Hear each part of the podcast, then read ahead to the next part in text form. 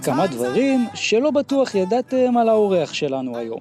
הוא מניח תפילין בכל בוקר, מתאמן שלוש פעמים בשבוע בחדר כושר, הספיק לטייל בכל רחבי אירופה, ואה, כן, הוא גם אושיית רשת עם 41 אלף עוקבים בטיקטוק. אנחנו במפה פרק 51, אנחנו מתחילים. I know someday it'll all turn around because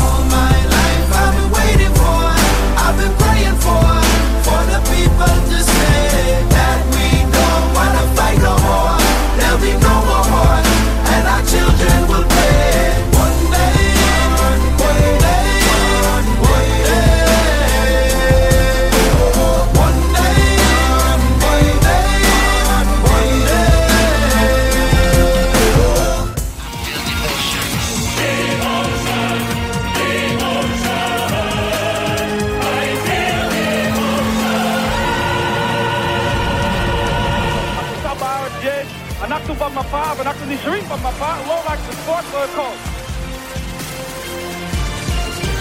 אנחנו במפה, פרק 51, ברוכים הבאים. שעה של כדורסל באוטוסטרדה הכי מהירה באירופה זה המוטו שלנו, אני זה נייט דרור, ולצידי כאן ידידנו אופק ששון, שבוע טוב אופק, מה שלומך? אהלן, אהלן, דייט עם נייט, פרק 2, יועד לצערנו לא נמצא כאן, אבל זה לא אומר שיהיה פחות מעניין, כי טה-טה-טה-טם, עוד מעט יהיה לנו אורח מאוד מעניין. כן, וזה בדיוק מה שאני בא לומר. את הפרק הזה אנחנו הבנו כבר בשלב מאוד מוקדם בקיץ שאנחנו חייבים לעשות לכם, כי אנחנו כל הזמן מדברים על שחקנים וקבוצות ומאמנים, אבל אנחנו כמעט לא מתמקדים בנושא הקריטי הזה של שיפוט, ואם אנחנו מתמקדים בו אז הרבה פעמים זה דווקא אולי ממקום יותר ביקורתי, ובשביל זה הבאנו לדעתי את הפרסונה המושלמת, מישהו שגם היה כל כך הרבה שנים בתוך העולם הזה, וגם היום הוא מחוץ לעולם הזה, ככה שהוא אולי יכול לדבר איתנו טיפה יותר אה, בחופשיות, וזה באמת הזמן אה, קצת אה, להציג אותו, בנוסף גם למה שאמרתי בפתיח, אז הוא בן 44 והוא נולד וגדל בתל אביב, הוא התחיל לשפוט לראשונה בגיל 15, הוא שופט בליגת העל מעונת 2004-2005, וביורו קאפ מ-13-14, וביורוליג מ-14-15, וב-2018 הוא החליט שהוא לא רוצה לשפוט יותר ביורוליג והוא פרש אה, מהשיפוט ביורוליג לטובת הוראה, שזו החלטה מאוד מעניינת שנדבר איתו על ה, בעצם על הרגע הזה, אה, ובסופו של דבר הוא ממש פרש ב, בסוף העונה האחרונה. אה, אני חושב אמרתי מספיק, שבוע טוב דודי רומנו. אהלן, שבוע טוב, מה קורה? אנחנו מעולה, מתרגשים מאוד שאתה פה. אה, מבחינתנו, שוב, כמו שאמרתי, זה פרק שמאוד חשוב לנו גם אה, לטובת המאזינים שלנו, ואנחנו גם, אני ואופק מאוד מאוד מעריכים אותך מבחינה מקצועית, מאוד, אז אנחנו שמחים שאתה פה. אני רק אומר למאזינים שלנו בקצרה, אז בעצם מה הולך להיות הפרק שלנו? אנחנו קודם כל נתמקד בכדורסל, בכאן ובעכשיו, נדבר קצת עם דודי גם על לפעמים ביקורת שיש כנגד שופטים, דודי יסביר לנו אולי קצת יותר גם על החוקה, על דברים שאנחנו כצופים לא בהכרח יודעים. אה, נתמקד גם בכל הנושאים החמים שהיו בעיקר בסוף העונה האחרונה. אחרי זה נעבור לחלק שני, ראיון אישי קצת אה, עם דודי על הקריירה שלו. נעבור גם בסוף לשלב השאלון המהיר, כמו שאתם כבר uh, מכירים. Uh, וכן, אני רואה את החיוך הדבילי שיש לכם עכשיו על השפתיים מבעד למסכים, כי אתם יודעים מה יגיע עכשיו. אתם יודעים מה יגיע עכשיו, אז כמו בכל שבוע, אנחנו נזמין אתכם, אם אתם עדיין לא שם, בטעות, להצטרף לקבוצת הוואטסאפ שלנו, אנחנו, כמו שאמרתי בפרק הקודם, הגברנו פעילות לאחרונה, אנחנו עושים שם אה, סקרים יומיים, אפילו לפעמים קצת יותר, עוד כל מיני מגוון אטרקציות לכל המשפחה. הלינק, דרך אגב, הוא, הוא בתיאור הפרק, הוא בכל מקום, הוא בפייסבוק ובוואטסאפ שאנחנו מפרסמים, ואם תבדקו מתחת למיטה, יכול להיות שגם שם תמצאו את הלינק. אה, אז זה בעניין הזה. אה, כמו שאתם יודעים, כל שבוע אנחנו מביאים לכם איזה סקר מיוחד שעשינו שם, אז השבוע נביא לכם סקר שגם קשור לפרק שלנו, ובסקר מספר 133 שאלנו אתכם באיזה ארגון השיפוט טוב יותר, האם ביורוליג, כלומר ביורוליג וביורוקאפ, האם בפיבה, ב-BCL וביורוקאפ, או שאולי הרמה זהה ואין הבדל. דודי, לפני שאני חושף את התוצאות, מה דעתך? איפה השיפוט טוב יותר? אה, נראה לי שיגידו ביורוליג. אם אתה צריך אבל לבחור מה אתה אומר. אה, אני חושב שביורוליג. אז אתה אומר ביורוליג, ואני חושב שהקהל ברובו הולך איתך, בוא נגיד את זה ככה. 34 אה, אחוז אומרים שבאמת במפעלים של היורוליג, כלומר יורוליג ויורוקאפ, רק 11 אחוזים אומרים שבמפעלים של פיבה, BCL ויורופ קאפ, 55 אחוז אומרים שלדעתם בכלל אין הבדל. האם, אנחנו אולי גם נדבר על זה בהמשך, האם באמת אין הבדל או שאולי אנחנו פחות מזהים את הניואנסים, אבל כן, בסוף הסקר הזה עדיין מצביע ברובו על היורוליג, אם אנחנו רגע מנטרלים את הרוב שאמר שאין הבדל. אז זה לגבי הסקר השבועי שלנו, ומפה אני חושב שאנחנו יכולים לעבור לחלק הראשון של התוכנית, שנדבר קצת יותר באמת על הכאן והעכשיו ועל דברים שאנחנו צריכים להבין יותר בשיפוט, אבל אני עדיין רוצה להישאר איתכם דודי ואופק בזירה הזאת של דעת הקהל, כי הפתיחה שלנו היא מאוד מתבקשת אה, לאור מה שהלך אצלנו בקבוצת הוואטסאפ בשבוע של הפלייאוף, בעצם בסוף רבע הגמר. אה, כי אנחנו שאלנו בסקר אה, מספר 71, אני אומר לטובת חברי הקבוצה, אנחנו שאלנו את הקהל שלנו במילה אחת, מה דעתם על השיפוט בפלייאוף, זה היה ממש אה, סיימנו עם משחקי רבעי הגמר, והאופציות היו מעולה, או סביר או גרוע, אלו היו שלוש האופציות, והתוצאות היו מטלטלות, כי אפס אחוז, לא היה צדיק אחד בסדום שבזמן אמת, ואנחנו קיבלנו תוך כמה שעות באמת למעלה ממאה הצבעות, לא היה צדיק אחד בסדום שהצביע לאופציה מעולה, אבל חמור מכך בעיניי, רק 15% הצביעו לאופציה סביר, כלומר 85% מהקהל שלנו הצביע לאופציה גרוע. עכשיו נכון, זה פלייאוף, זה אמוציות, יש שם כמובן אה, אוהדים של כל הקבוצות שהשתתפו בפלייאוף, אבל אני חושב שאם אנחנו מודדים וכל כך קשוחים עם שחקנים בפלייאוף, ועם מאמנים בפלייאוף, אין שום סיבה שנעשה פה הנחה לשופטים, ואני רוצה רגע דודי שתסביר לנו מה אנחנו כצופה כדורסל לא יודעים או לא מבינים, או לחילופין, למה השיפוט בישראל הוא כל כך לא טוב. אה, טוב, אני לא, חוש... אני לא מסכים שהשיפוט בישראל הוא לא טוב, אני דווקא חושב שהשיפוט בישראל הוא שיפוט טוב, אה, ברמה טובה, ולראיה רוב המשחקים כמעט הרוב המוחלט מסתיים, מסתיימים בצורה טובה ובלי שלשופט יש קשר לתוצאה, לשופט או לשופטים. אה, תראה, גם בתוצאות של הסקר שלך זה גם, אתה יודע, זה תלוי, יכול להיות שמתוך המאה אנשים, לא יודע מה, 40 מהם אוהדים של אחת הקבוצות שבדיוק הפסידה, וזה השפיע על ההחלטה שלהם, אתה יודע, זה, זה יכול לקרות, בטח ובטח אם הם אוהדים קבוצה גדולה. אני חושב שבסך הכל אה, גם ה... אם אתה תעשה סקר בקרב רוב אוהדי הכדורסל בארץ, הם יגידו לך שהרמת השיפוט בארץ היא, היא די טובה.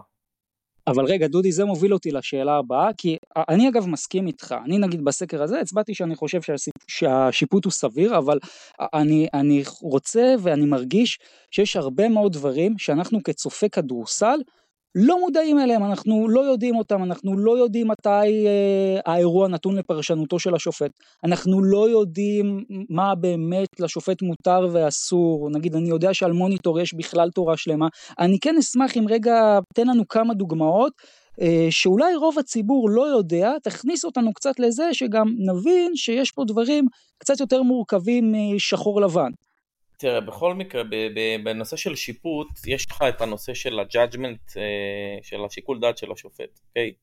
אה, כלומר, השופטים רוצים כברירת מחדל אה, לראות האם אפשר לוותר על השריקה שלהם אם היא לא פוגעת או מעמידה, נקרא לזה ככה, בנחיתות את השחקן שעליו למשל בוצעה עבירה, או שלא נותנת יתרון לשחקן לדוגמה שביצע הפרה. כלומר אם אתה מתחיל כדרור בחלק האחורי שאף אחד לא שומר עליך ועושה עוד חצי צעד לפני שאתה מתחיל כדרור שבגדול זו הפרת צעדים אבל אם זה לא נתן לך יתרון אז אה, אין מה לשרוק. ואם עשית עבירה ולא העמדת בנחיתות את השחקן שמכדרר בכדור שביצעת עליו את העבירה הנטייה היא להימנע מה, מהשריקה. אוקיי? יש לך פה שיקול דעת שאתה צריך להשתמש בו בחוכמה כי אם אנחנו נצטרך לשרוק כל מה שאנחנו רואים וכל מה שעל פי החוקה היבשה אפשר להחליט שזו עבירה, אז היית מגיע לכל משחק אה, עם אה, חנוכיות בלוח העבירות מה שנקרא, והמשחק היה נעצר כל רגע, דבר שהיה פוגע בהנאה של השופטים, בהנאה של, לא של השופטים, של השחקנים, של הקהל, של המאמנים ושל המשחק עצמו, וגם בהנאה של השופטים, כי אף שופט לא נהנה אה, לשפוט משחק שכל שריקה שלו הולכים לזרוק שתי זריקות. כמה נקודות אבל כל הסיפור הזה שווה? נגיד אם אני לוקח את כל ה-50-50 קול, שבאמת אולי יש הרבה מקום לשיקול דעת של השופט, כמה נקודות להערכתך הדבר הזה שווה במשחק? הוא שווה כי, תשמע, ברגע שאני אה, אה, חושב פעמיים לפני שריקה ונותן עוד אפשרות לשחקן לסיים מהלך, וסתם אה, דוגמא, אם אני רואה שחקן שמבצעים עליו עבירה בתחילת כדרור, ובדיוק כשהוא עובר את השחקן אני שורק עבירה, שאם הייתי נמנע ממנה הוא כבר היה ממשיך ללאה ועושה קרס סל, אוקיי? אז תחשוב, זה, ב, ב, ב, אני חושב שבמהלך משחק רגיל, ה-no call האלה, מה שנקרא no call טוב, או good no call באנגלית, אה, שווה לפחות עוד איזה 15-20 נקודות במשחק בטוטל. מעניין. ומהלך אה, המשחק משפיע לזה? זהו, זה מה שאני גם רוצה, רוצה לשאול, כי עד עכשיו דיברת על אלמנטים שמשפיעים עליך כשופט, זה בסדר, אתה בן אדם, אתה אנוש, ואתה מקבל המון המון החלטות תוך כדי משחק, אבל עד עכשיו דיברת על אלמנטים של כדורסל. האם יש אלמנטים חיצוניים של אווירה, אולי שעון משחק, מעמד, סוג שחקנים והאופי שלהם, שגם יכול להשפיע על uh, כף המאזניים, לכאן או לכאן, ב-50-50 באמת? אה, לא, הקהל לא משפיע וגם אה, סוג המשחק לא אמור להשפיע, אבל אה, בוא נגיד ככה, אם במהלך המשחק נוצרת סיטואציה שבה המשחק הופך להיות יותר פיזי ומתחיל לגלוש למחוזות שאנחנו לא רוצים להיות בהם, אז הנטייה היא כן, איך אומרים, לנקות את המשחק במרכאות ולשרוק את העבירות, גם אם זה סתם דוגמה, במפ, במפים קטנים כאלה ששחקנים נותנים לשחקנים אחרים וזה לפעמים לא נעים לקבל במפ, בטח שאתה בלי כדור ושחקן נותן לך איזה כתף או איזה מרפקון קטן ולפעמים במשחקים כאלה טעונים אז עדיף כן לשרוק את הדברים האלה ולא להגיד אה, אוקיי לא הייתה פה השפעה כי במשחקים כאלה גם במפ קטן יכול להפוך בסופו של דבר לתגרה גדולה. וזה עבירות שבמשחקים אחרים דודי יכול להיות שלא הייתם שורקים אותם. אה, נכון, שוב, תלוי באווירה, בספיריט אוף דה גיים מה שנקרא, ברוח המשחק, באופי של המשחק, ולכן פה שופט טוב עושה את, ה, את ההבחנה הזאת. הוא צריך לדעת לזהות מתי אפשר לוותר על השריקה, מתי צריך לקחת את השריקה. ויכול להיות שאירוע שישרק בצורה מסוימת במשחק מסוים, ישרק, לא ישרק במשחק אחר. אבל אני בטוח שיש פה גם אלמנט של uh, קווים אדומים ומקרי קיצון. אז נגיד אם אנחנו לוקחים לדוגמה שריקה שהיא מאוד סובייקטיבית, כי אני רוצה להאמין שבחוקה לא בהכרח רשום מתי זה כן ומתי זה לא, וזה באמת השריקה הטכנית. מתי אתה כשופט כדורסל אה, לשעבר האמת, איפה הקו האדום שלך וההבדל הדק בין תלונה של מאמן, או טרשטוק בין השחקנים, או איתך, או איזה ג'סטה של שחקן או מאמן, הרגע הזה שבו אתה אומר, זה הגבול שלי, וזאת עבירה טכנית, לא משנה אם זה שחקן בקליבר גבוה, שחקן בקליבר נמוך, איפה הקו האדום שלך? פשוט מאוד, אה, הכל מושתת על, על אה, כבוד הדדי, אוקיי? זאת אומרת, אם שחקן, גם כשהוא כועס, הוא בא ואומר לך את מה שהוא אומר בצורה מכבדת, אין שום בעיה, האוזן סופגת הכל. שחקן או מאמן, זה לא משנה, אבל ברגע שמעורבת בתלונה הזאת גם מחווה כגון מחיית כפיים, תנועת ביטול, תפיסת ראש מוגזמת, דברים שיכולים גם, אה, איך אומרים, לחמם את הקהל, להדליק את הקהל, אז אה, גם החוקה מתייחסת לזה ואומרת שצריך אה, לשרוק על זה עבירה טכנית, וגם אתה, אתה יודע, יש לך איזה סוג של אוטוריטה שאתה לא רוצה שתיפגע. אי אפשר שכל שריקה שלך השחקן יתפוס את הראש. אי אפשר uh, לקבל uh, תנועות ביטול, כי אתה לא מגיב לזה, אז uh, כל שחקן אחרי כל שריקה יש לך תנועת ביטול, התדמית שלך נפגעת, הסמכות שלך נפגעת. רוב השחקנים מכבדים ורוב השחקנים, אני אהבתי מאוד לדבר עם שחקנים ולא לתת ישר עבירות טכניות וגם הייתי תמיד אומר אם יש לך משהו להגיד גם להם וגם למאמנים תגיד לי באוזן, אני אשמע, אני אכבד, אני גם אתן לך תשובה. ברגע שמאמן לדוגמה או שחקן משתמש גם במחוות כמו תנועות ביטול, מחיאות כפיים מזלזלות או דברים אחרים, אה, ויזואלית זה לא נראה טוב, אתה חייב להגיב לזה. אני חייב אבל רגע לתקוף את זה מהצד השני. יש מוסכמה הרבה פעמים מאוד רחבה שאני שומע אותה, שכל עוד השיפוט אחיד, אז הוא שיפוט טוב. כלומר, אם השופטים החליטו שהיום שתי קבוצות באות להרביץ וזה בסדר ואנחנו זורמים עם זה אז זה טוב, ואם שופטים החליטו שאנחנו היום שורקים על כל נגיעה, זה טוב, אבל הרי בסוף יש קבוצות שיותר מתאים להם סגנון כזה, ויש קבוצות שיותר מתאים להם סגנון אחר, והרבה פעמים כאילו השיפוט היחיד הזה הוא מאוד מאוד מפלה קבוצה מסוימת. אני חייב לשאול פה, איפה עמדתך בכל הנושא הזה? תראה, השופ, השופטים, אנחנו לפני כל משחק מגיעים שעה וחצי לפני לחדר הלבשה, יושבים, מדברים, אה, יש תוכנית משחק, אה, מדברים על כל הבעיות שיכולות לצוץ במשחק, על הקו שלנו, איזה קו אנחנו שואפים להגיע אליו, אבל אתה יודע, זה דברים שמשתנים, כי זה לפי ה... איך שהמשחק מתפתח. אמ, אני יכול להגיד לך שקשה מאוד להגיע לאחידות שהיא ממש אה, הרמטית נקרא לזה ככה, או 100% אחידות, כי בסופו של דבר מדובר בשלושה בני אדם, שלושה שופטים, שכל אחד בא עם הפרשנות שלו לאירוע, ולאיך שהוא רואה את המשחק. ועד כמה שמנסים ליישר קו וללכת אה, בקו אחיד, יש לפעמים סטיות קטנות, אוקיי? זה גם תלוי במעמד של, לא במעמד, בוותק של השופט, בניסיון שלו וגם ברמה שלו. אז אי אפשר להגיע לזה, לא, אתה יודע, זה לא מחשב שאתה מכניס נתונים ויוצא לך פלט בצד שני. מדובר בבני אדם. אפשר אבל אה, ליישר פה קו, כלומר נגיד אנחנו רואים באמת את גם טכנולוגיה יותר ויותר מתקדמת ונכנסת, אנחנו נוכל להגיע לרמה של, אה, אתה יודע, ממש שיפוט מחשב, גם בדברים שלא כדור עבר את הקו או לא עבר את הקו, אלא כן הייתה עבירה או לא הייתה עבירה, או שאף פעם לא אוקיי. נגיע לשם גם. אז תראה, אז בדברים הגדולים של עבירות בלתי ספורטיביות, באמת נכנס העניין של המוניטור שניתן לבדוק, כי באמת עבירה בלתי ספורטיבית זה עבירה שעכשיו היא יותר במרכאות גדולה. כי שתי עבירות בלתי ספורטיביות או שילוב של עבירה בלתי ספורטיבית ועבירה טכנית זה, זה שווה הרחקה. אז כן, כדי להיות שלמים עם עבירה בלתי ספורטיבית שהעונש הוא שתי זריקות וכדור מהצד אז תמיד אפשר לבדוק את זה.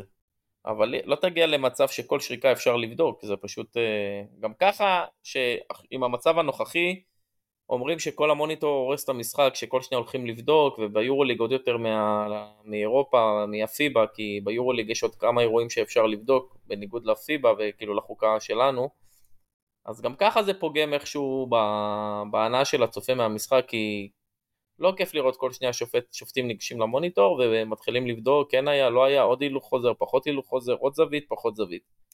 תחשוב מה יהיה אם כל, כל דבר אתה תצטרך לבחון בסופו של דבר מול המוניטור, זה לא כיף. וחוץ מזה צריך גם להבין שטעויות זה חלק מהמשחק, אין מה לעשות. שופט הוא גם בן אדם וגם כמו, גם הוא כמו שחקן וכמו מאמן עושה טעויות. מנס... אבל אם... מה שאפשר לתקן ומה שאפשר להימנע מנסים, אבל לא יגיע מצב ששופט סיים משחק בלי אף טעות, ותמיד יש את הדברים שאתה יודע, זווית ראייה פחות טובה, פרשנות פחות טובה לאירוע, נו קול לא טוב, מעניין אותי אבל איך אתה רואה את הדבר הזה אה, של הטכנולוגיה, כי היום אנחנו נמצאים בעידן של הטכנולוגיה בכל מקום, בכל תחום, בכל מקצוע. אה, אז נגיד 10-15 שנים מהיום, ראינו מה, נתתם את הדוגמה של המוניטור, המוניטור שינה מאוד את עולם השיפוט ועבר בכדורגל. האמת אני חושב שככל שייכנסו יותר אלמנטים טכנולוגיים לתחום השיפוט, עם עוד חידושים ועוד דיוקים, אולי אפילו נגיע למצב שלא נזדקק לשופט אנושי? אה, קשה לי להאמין, כי בסופו של דבר אתה צריך מישהו שינהל את ההצגה. אתה צריך מישהו שאתה יודע. מחשב לא יכול אה, להבין רגשות, מחשב לא יכול להבין סיטואציות, מחשב...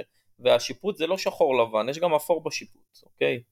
זה, אם אתה תהיה שופט ספר חוקה מה שנקרא, שיודע את החוקה על בוריה וממש מעולה בכל סעיף ותת סעיף, אבל הלכה למעשה במשחק אתה לא יודע, אתה לא מזהה את הסיטואציות כמו שצריך ואתה לא שופט בהתאם לרוח המשחק והשריקות שלך מנותקות מהמציאות כי אמנם, אתה יודע, לפעמים יש דברים שנכון על פי החוקה זה X אבל כרגע מה שנכון למשחק זה Y. אז זה לא דווקא תמיד אה, משתלב ביחד וזה הגדולה של שופט. כי אתה בכל זאת מתעסק בבני אדם, ברגשות, באמוציות ואנחנו לא רוצים מכונות כל אני... מה שאתה אומר לנו עכשיו, דודי, זה לגבי הליגה, או לגבי אירופה, או לגבי שניהם. לא, זה, זה תקף, אני חושב שבכל ליגה בכירה, וכמובן ברמה האירופאית, ככה צריך להיות. אבל, אבל, בדברים הגדולים של, עבר, של בוא נגיד אה, סיום משחק, בזמן, לא בזמן, אה, הפרות 24 שניות בדקות האחרונות, בשתי דקות האחרונות בזמן, כאילו כן הפרה, לא הפרה. הדברים האלה שיכולים באמת להשפיע על תוצאת המשחק, כי הם ממש, בוא נקרא, בוא נקרא לזה עם הבאזר, זה דברים שצריכים לבדוק וחייבים לבדוק, כי אנחנו לא רוצים שמשחק יסתיים, שהסל שנקלע, הוא נקלע אחרי הזמן, או שסל נפסל, למרות שהיה צריך להיות, אה, כן להיחשב. ואני חושב שבמהלך משחק, אין מה לעשות, מה, שחקן לא עושה טעויות? מאמן לא עושה טעויות? מה תעשה? תחליף אותם במכונות? השאלה אבל פה, השאלה הגדולה פה דודי היא, כי בסוף בדרך כלל הקו הוא שאיך אומרים שופט הוא חלק מהמשחק. נכון, נכון. אבל, אבל, וזה אבל מאוד גדול, הרי בסוף, אם אנחנו רגע מסתכלים, יש פה הרבה מאוד כסף על השולחן, ויש פה גם דרישה לרמה מקצוענית מאוד גבוהה. השאלה שלי, האם אתה חושב שהשופטים היום במקום שהם מקבלים יותר מדי ביקורת, פחות מדי ביקורת, כי הרבה פעמים השופטים במוקד, ואני בעצמי לא יודע להגיד לך אם זה מוצדק או לא, כי כמו שאתה אומר מצד אחד השופט הוא אנושי והוא חלק מהמשחק, מצד שני זה מה זה מתסכל ששופט לוקח שריקה במיוחד במשחק גדול שהיא לא נכונה.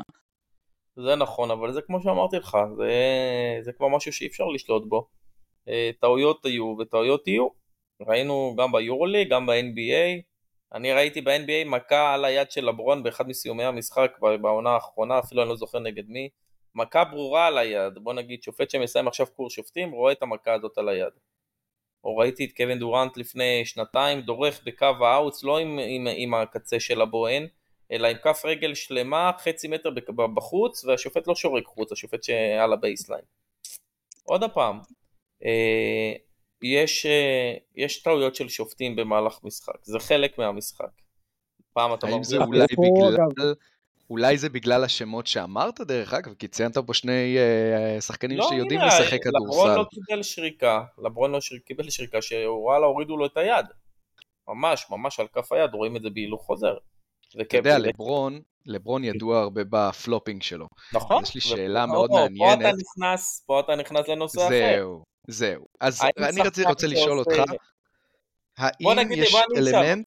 אני אשאל אותך, איתי שכטר בכדורגל, לדעתך, סובל מהתדמית שנוצרה לו או לא סובל מהתדמית שנוצרה לו? זהו, זה... או סבל, נקרא לזה ככה. זה, זה עניין מאוד, אה, מאוד רציני, עם כמה, כמה השופט בא עם אה, מה שנקרא שריקות מהבית. לא, השופט לא בא עם שריקות מהבית, אבל אם הוא יודע, סתם דוגמא, אם אני שופט כדורגל ואני יודע שיש שחקן מסוים שאוהב ליפול ברחבה ולצלול ברחבה, מה שנקרא, אז וואלה, אני אחשוב ארבע פעמים לפני שאני אשרוק לו פנדל. אני צריך להיות בטוח במיליון אחוז, בטח בתקופה שלפני שהיה את הוואר, שהיה להם את הוואר שיכלו לבדוק. אז אה, גם שחקן שנופל ומרבה ליפול במשחק וכל משחק אה, נמצא יותר על הפרקט מאשר עומד על הרגליים, וואלה, אם אני לא אהיה בטוח שהוא באמת uh, עמד בעמדת הגנה חוקית והיה מגע שבגינו הוא נפל, אני לא אתן לו את ה, את ה, להרוויח את ה, מהספק, נקרא לזה ככה. אז אתה אומר לי שבעצם יש פה המון השפעה לרמת ההיכרות שלך עם השחקן. כן, גם לברון, גם לברון. אה, שהוא הרבה פעמים מחצין את המגעים עליו, הוא לא מקבל הרבה שריקות. בגלל זה אני... רגע, אבל דודי, אתה יודע, קבוצות, דודי, קבוצות עושות הרבה פעמים, כמו שאתה אומר, עבודת scouting על היריבים שלהם, וזה, אתה ככה מרים לי להנחתה על השאלה, אם שופטים גם עושים עבודות scouting על השחקנים שהם הולכים לשפוט ברמה של... בוודאי. תפרט לנו קצת יותר.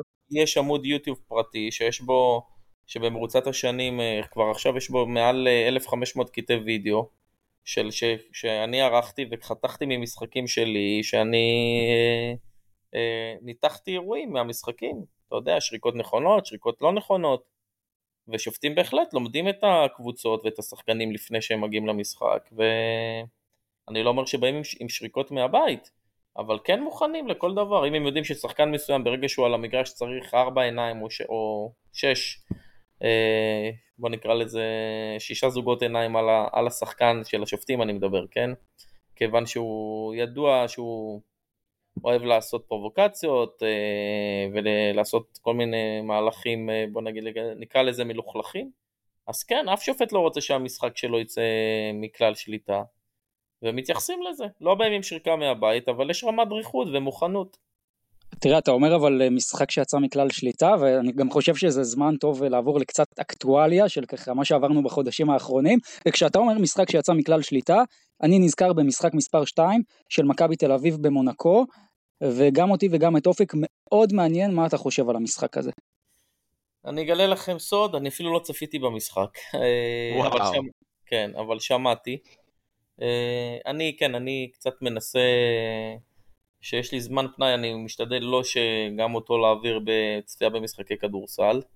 אה, אבל שמעתי וראיתי קצת אירועים. שוב, עוד פעם, ושם היו שם שלושה שופטים מהטובים באירופה. ויכול להיות שאתה יודע, גם שם הלחץ השפיע, גם הסוג משחק השפיע עליהם, העצבים, אה, ויכול להיות שהם גם לא היו חפים מטעויות, זה בהחלט, אה, זה בהחלט אופציה. אבל, אבל יחד, יחד עם זאת, גם שחקנים צריכים לדעת, ומאמנים צריכים לדעת לשלוט על עצמם. דרך אגב, אבל אתה אומר אה, לגבי השופטים, אז בוריס ריז'יק למשל, עם כל מה שפורסם לאחרונה, זה מאוד הרתיח את אנשי מכבי תל אביב, כי הם די אמרו, אוקיי, אז אנחנו מחברים את הפאזל ועושים אחד ועוד אחד, וזה מחבר אותי לשאלה של האם אנחנו באמת, כי אנחנו עד עכשיו דיברת באמת את כל ההחלטות של השופט, אבל של השופט השקול, של השופט שהוא לא חלילה מוטה או משהו כזה. האם אנחנו צריכים לחשוש מהעניין הזה שיש משחקים אולי מוטים בליגה באירופה ממה שאתה יודע? ממש לא, אני גם מכיר באופן אישי את בוריס, הוא, אני חושב שהוא אחד השופטים הכי טובים באירופה, אני קשה לי להאמין שהוא היה מעורב באיזושהי אה, פרשה מהסוג הזה. אה, אני יכול להגיד לך שביורוליג גם בליגה הישראלית דרך אגב, אבל, אבל יותר ביורוליג, כל החלטת שיפוט נמדדת ב... ב יותר מעשר מצלמות שנמצאות במשחק, ויש עבודה מאוד uh, מקצועית עם השופטים, ורואים את זה, ומנתחים את המשחקים, וזה עובר הרבה עיניים מקצועיות. ועל אחת כמה וכמה ביורוליג, ששם אם אתה עושה טעויות שהן, אה, בוא נגיד ככה, לא מקובלות, אתה גם אה, יכול להגיע למצב שמורידים אותך מהשיבוץ הבא שלך. וזה קרה לא פעם ולא פעמיים. כבר יכול להיות ששופט הזמין כרטיסי טיסה למשחק שיש לו בשבוע הבא, ועכשיו, מה זה קורה? זה לא יכול להיות, זה קרה.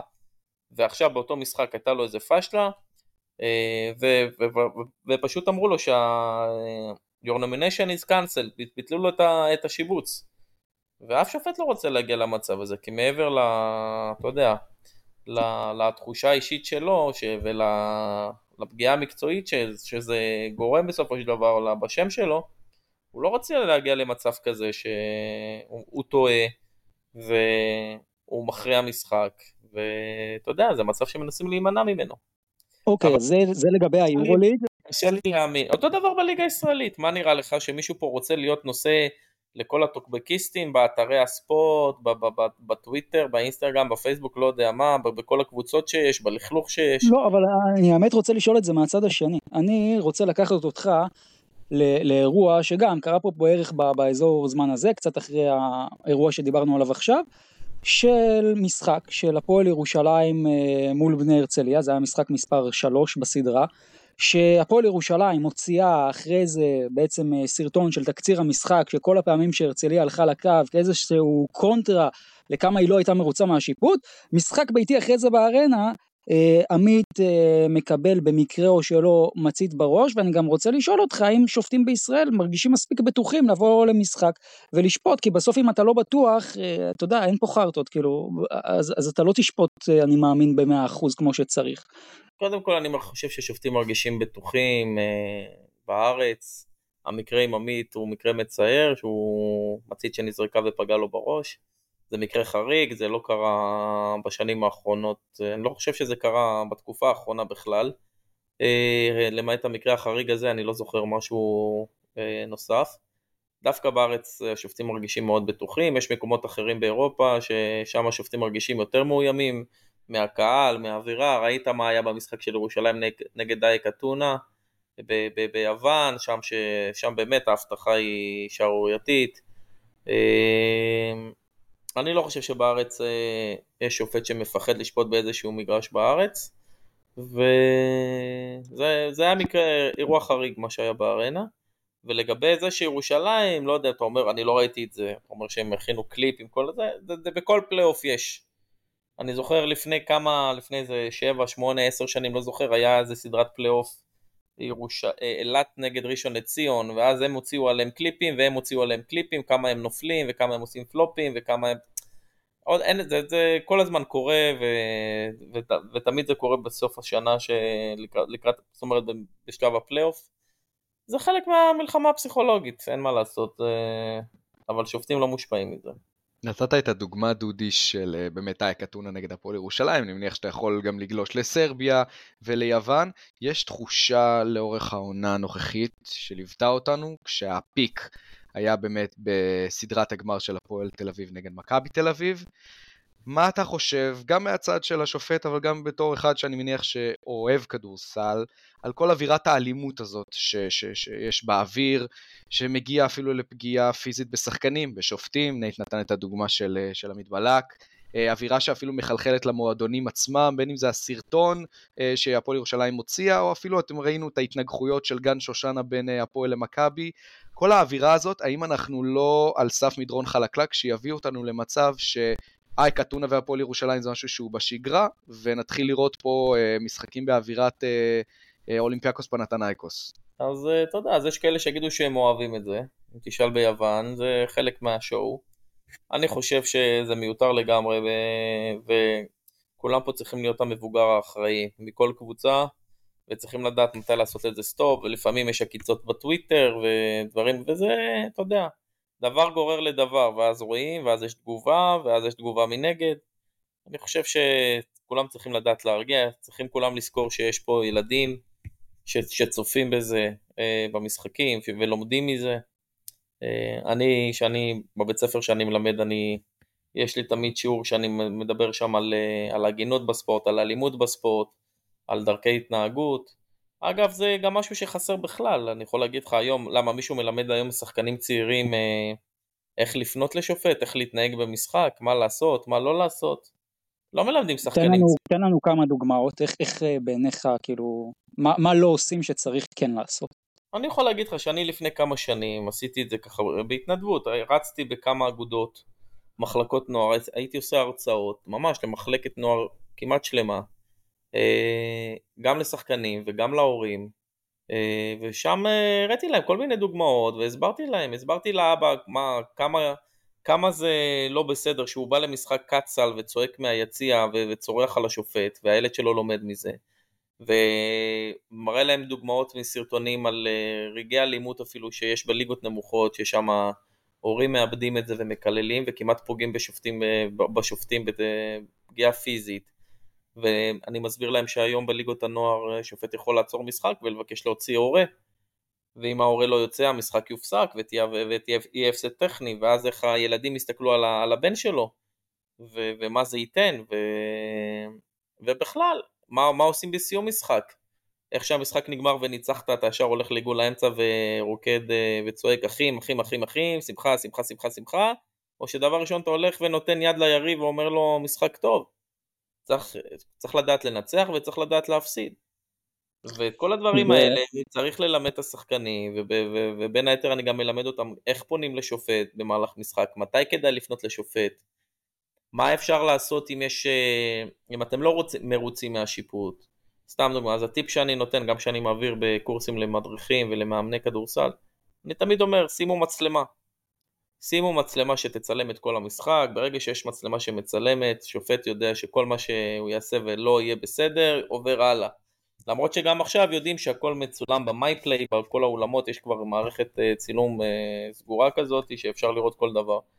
אבל אפשר לטפל בתופעות שהן פסולות. אם יש מצלמה ורואים, תמיד קטע וידאו עדיף על, על תלונה בכתב. אנחנו ככה מתקרבים לכיוון סיום החלק הראשון פה של התוכנית, ויש שאלה שאני ככה נאנח כי, כי היא, שאלה, היא שאלה קשה, והשאלה הזאת היא לגבי קבוצה מסוימת, שיש תחושה שאיכשהו בענייני שיפוט תמיד דברים מסתדרים לה, ולקבוצה הזאת קוראים מכבי תל אביב, שאנחנו כולנו מכירים את הביטוי השופטים של מכבי, אני לא מכיר ביטויים אה, דומים של השופטים של אה, הרצליה או שופטים של גליל עליון, גם לא השופטים של הפועל ירושלים או הפועל חולון מאוד נדיר. והבעיה היא שככל שהמעמד הולך ונהיה גדול יותר, ככה הרבה פעמים אה, נעשות אה, לכאורה יותר טעויות. אה, למשל, שוב, אולי ניכנס לזה גם אם הביקורת מוצדקת או לא, אבל אני זוכר שני מקרים מאוד בוטים, נגיד עם אחד אפילו טוד וורניק שזה מאוד ישן, אבל גם נגיד הגמר המפורסם של 2007, של הפועל ירושלים מול מכבי תל אביב, היה משחק שלרבים לא נוח עם השיפוט שהיה בו, ואני רגע רוצה להבין מה עובר על שופט שהוא שופט את מכבי תל אביב, ובטח במעמדים כאלה, והאם הביקורות האלה בכלל מוצדקות, או שאולי הן בכלל לא מוצדקות. אני אגיד לך את האמת, אני לא חושב, אני שהגעתי לשפוט ביד אליהו, לשפוט את מכבי בחוץ, לא... אה, תקשיב, יש, אתה יודע, תמיד, בכל מדינה באירופה, שיש שם קבוצה גדולה שהיא עם מסורת ועם הרבה תארים, אז יגידו, אז בספרד יגידו שופטים של ריאל, וביוון יגידו שופטים של פנתנייקוס, ובסרביה יגידו פעם של הכוכב האדום, ופעם של פרטיזן בלגרד, ובכל מקום שתהיה שם אה, קבוצה שהיא גדולה ומפוארת באותה מדינה, אז תמיד הקבוצות הקטנות יבואו ויגידו שכאילו קל לשופטים ללכת עם הקבוצה הגדולה. אוקיי, אבל ניתן לך הגבלה. אם עכשיו עולה שחקן משחקן אה, צעיר וחדש ומולו עומד שחקן עם ותק ועם המון ניסיון והוא כוכב ענק, אוקיי? אני לא אומר שאותו שחקן ענק יקבל הכל, אבל יכול להיות שבדברים קטנים, אתה יודע, בגלל שכבר, אה, אתה יודע, יש לו רוכשים אליו יותר כבוד, אתה יודע, בגלל כל מה שהוא השיג וזה, יכול להיות ב-50-50 שהוא יקבל פה יותר שריקה מאשר שחקן צעיר שהוא צריך, אה, הנה תראה למשל אה, דני אבדיה ב-NBA, כרגע לא מקבל את מה שהוא צריך לקבל, גם שלפעמים הוא צריך לקבל, כי הוא עדיין לא, לא הרוויח את זה, נקרא לזה ככה. אז אני חושב שאפשר לעשות הגבלה ולהגיד שזה, שזה די דומה. אני לא חושב שיש דברים מהותיים וגדולים שגורמים לשופטים לשנות את הסגנון שיפוט שלהם בגלל שמדובר בקבוצה גדולה, במדינה כזו או אחרת.